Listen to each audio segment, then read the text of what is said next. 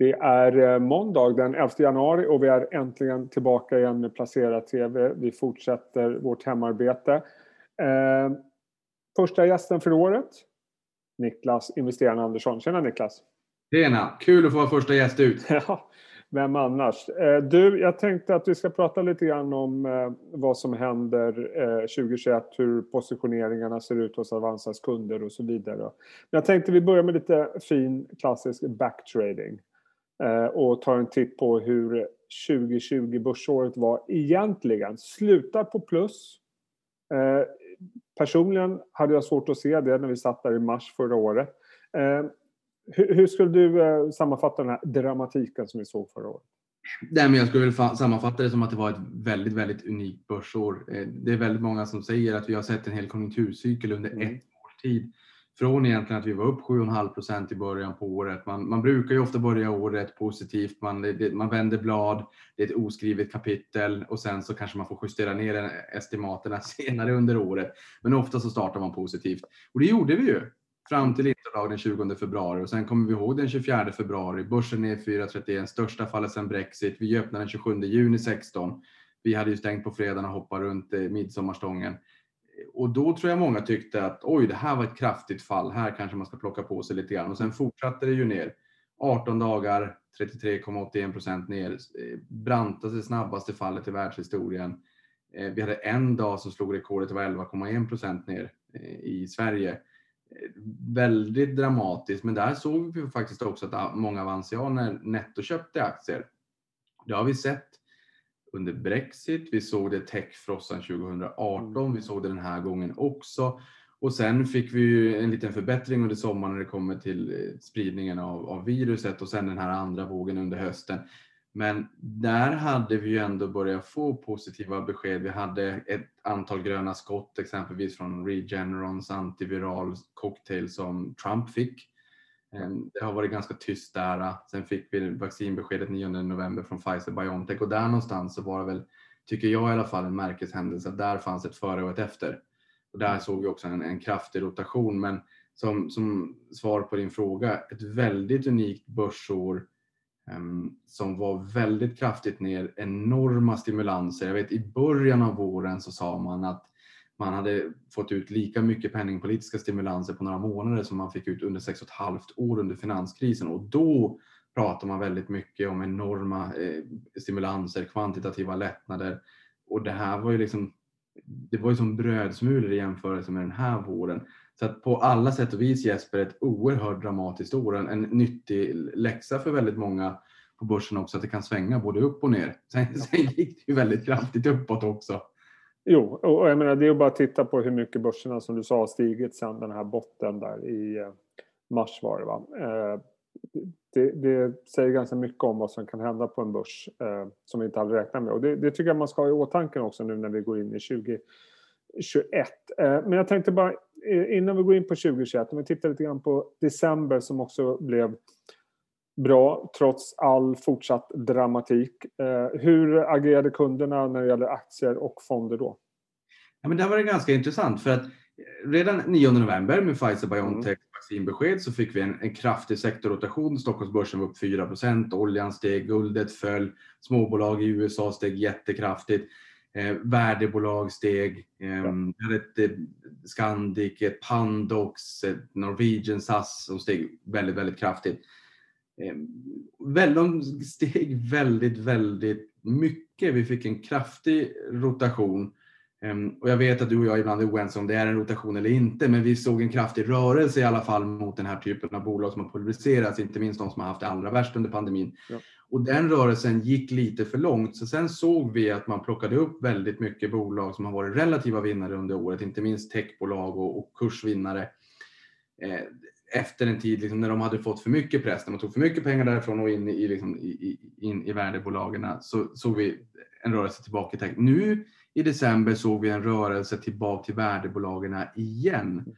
Det här tycker jag är en ganska intressant röd tråd. Alltså de bolagen som var kursvinnare, som var relativa vinnare under året, de fick stryka på foten i december för att man då gick tillbaka till de som kanske inte har gått riktigt lika bra. Och, och bäst om man får säga så, eller den aktien som lockade flest avansianer var faktiskt AstraZeneca.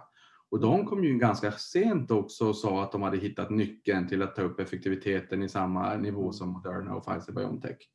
Så den lockade flest avansianer, men, men kraftig sektorrotation var väl temat i alla fall.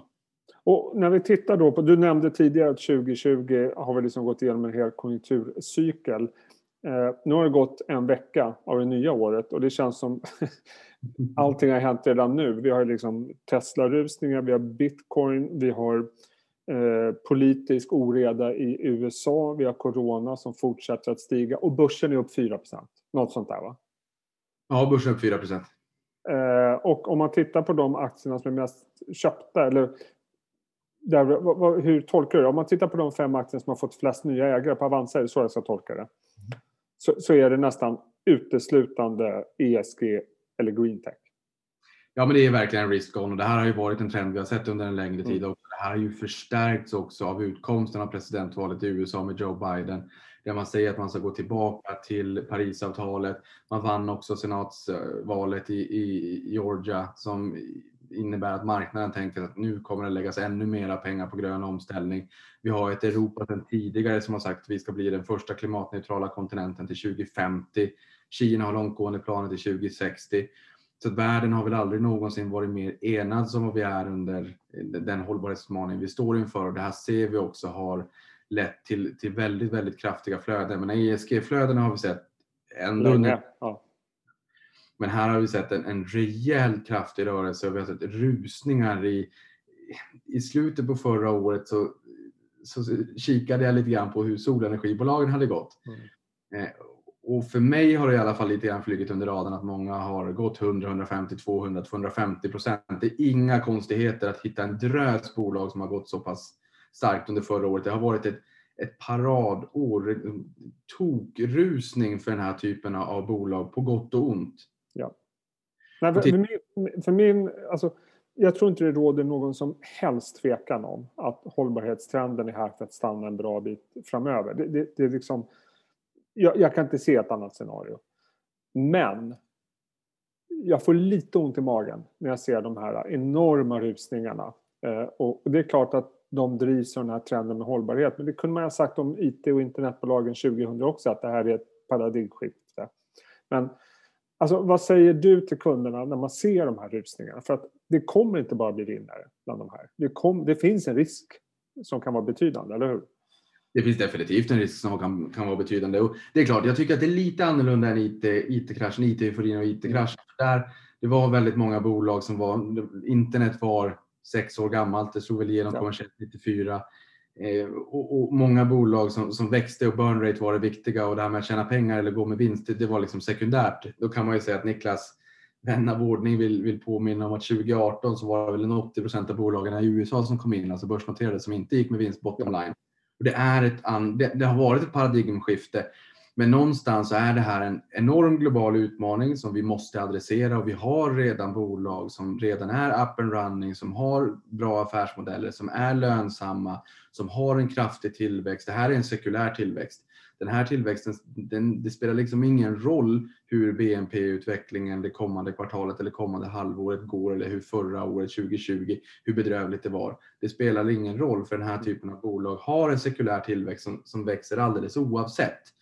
Eh, marknaden växer kraftigt och någonstans kan jag tycka att vi kan tendera, klassiskt uttryck, men vi kan tendera att eh, överskatta effekten av det här i det korta perspektivet men, men underskatta den i det längre perspektivet. Mm. Och jag tror inte att vi idag 2021 kan förstå den totala adresserbara marknaden för de här bolagen i framtiden. Men precis som du säger, det, är, det betyder inte att alla bolag kommer lyckas. Och där ligger ju risken när man ser de här enorma rusningarna på väldigt kort tid när alla vill in, ingen vill missa tåget, alla har sett Tesla eh, och andra typer av bolag. Eh, så det är klart, tar vi ett Fingerprint, det är ett annat exempel, det har inte med hållbarhetscaset att göra, men den aktien gick upp 26 700 procent mellan 2012 och december 2015 enorm kursutveckling men vi såg också att väldigt många kunder förlorade pengar för att man kom in efter den sista euforiska fasen. Jag tror definitivt att det finns gott om tillväxt i marknaden för den här typen av bolag och i marknaden i stort men det betyder inte att alla är vinnare och det betyder inte att man kan komma in fel i liksom, gungor och karuseller eller vad man ska säga. För det är och kommer förmodligen vara en kraftig volatilitet. Så det kan lika gärna vara så att man kommer in efter en uppgång och sen går det ner. Man får en sättning som är fullt naturlig om man tittar på hur det har gått senaste året så är det inga konstigheter alls. Men den personen som kommer in innan den sättningen kan få ont i magen och sälja och sen kanske man inte hoppar på hästen igen. Mm. Jag tror att man ska vara försiktig när det är så här kraftiga uppgångar. Och jag är helt övertygad om dig som har varit väldigt, väldigt länge i den här branschen också att det här är ju inga naturliga rörelser. Alltså någonting annat som jag har pratat med många av mina gäster om det är ju det här med eh, större andel passiva flöden. Eh, och då har vi sett under sektorrotationen som började 9 november så att det kommer så enormt stora flöden som ska flyttas till från ena sidan till den andra sidan. Och det ska man också ha lite grann i åtanke att om de flödena ändrar riktning så kan det gå väldigt fort neråt eller uppåt. Att bara ha det i åtanke. Och det leder mig in till det här med sektorrotationen. Om man tittar på eh, första veckan hur storverkstad eller finverkstad har gått så är det liksom 8, 9, 10 procent på Atlas och Volvo. Och jag är ju gammal nog att minnas en tid när det var en ganska bra årsavkastning. Eller hur? Eh, och, och, frågan är vad är det för flöde? Men, men, du har ju sett det också, de här enorma uppgångarna på att eh, alltså sektorrotationen är på något sätt befäst nu. Som ja. alla har pratat om. Alla har pratat om det. Ja, och, och, någonstans är det klart att det är viktigt idag för bolag att ingå i, i rätt index. Mm. Du och jag kan tycka att det låter jättekonstigt. Eh, för att eh, det som driver aktier långsiktigt är ju vinstutvecklingen och bolagets eget värdeskapande. Så att, men kortsiktigt finansiellt så har man ju sett att det är viktigt vilket index man ingår i för att du får enorma flöden. Och jag säger inte att det är bra, man kan lika gärna se baksidan av det, att det, det kanske inte alls är så bra. Men vi ser ju att effekten finns där. Att har vi Tesla som kom in i S&P 500 så steg de ju 60% ganska snabbt från att det blev känt till slutet på förra året. En, det är inte bara en årsavkastning Jesper. Nej, jag vet. Ehm, så ja, det är viktigt. Bara för att återgå till de här aktierna som har fått flest nya ägare senaste veckan så har vi ett norskt Zaptec, ett svenskt Aselio, ett amerikanskt Nio med elbilar. De har inte sålt jättemånga elbilar. Tesla kom väl in precis strax under sitt mål om en halv miljon bilar, men någonstans så är det väl kanske plattformen och vad man kan göra framåt med det här som är mer av värdet och inte hur många bilar man har sålt. Mm. Det får man nog titta mer på gammelbilindustri, men det, det likväl så kan man ju inte värdera upp bolaget hur mycket som helst. De har för övrigt gått om ett Facebook i marknadsvärde förra ja, veckan. Såg det. Det femte största bolaget i USA då på amerikanska börsen och också gjort Elon Musk till, till världens eh, rikaste person. Och på plats fyra så har vi svenska Soltech och eh, femman gamingbolaget, den värmländska favoriten Embracer. Så det är väldigt mycket förnybar energi.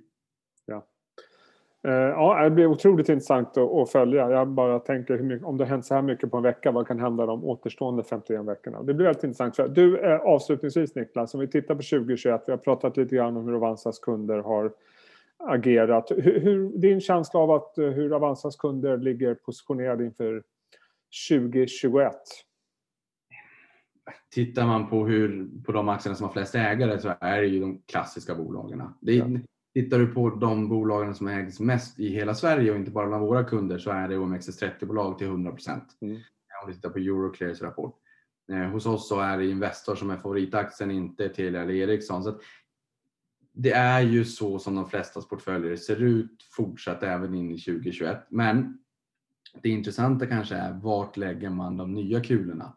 Mm. Vad köper man just nu och vart lägger man mycket pengar i? Tittar vi på förra året så såg vi att det var ett Norwegian Air Shuttle, ett SAS, eh, sen har vi Investor AstraZeneca förvisso, ett Evolution som kom in i OMXS30 i år. Men ta de här topp två första aktierna som var de mest köpta under hela 2020, alltså Norwegian och SAS. Där har man ju ganska tydligt bett på en återhämtning efter coronapandemin.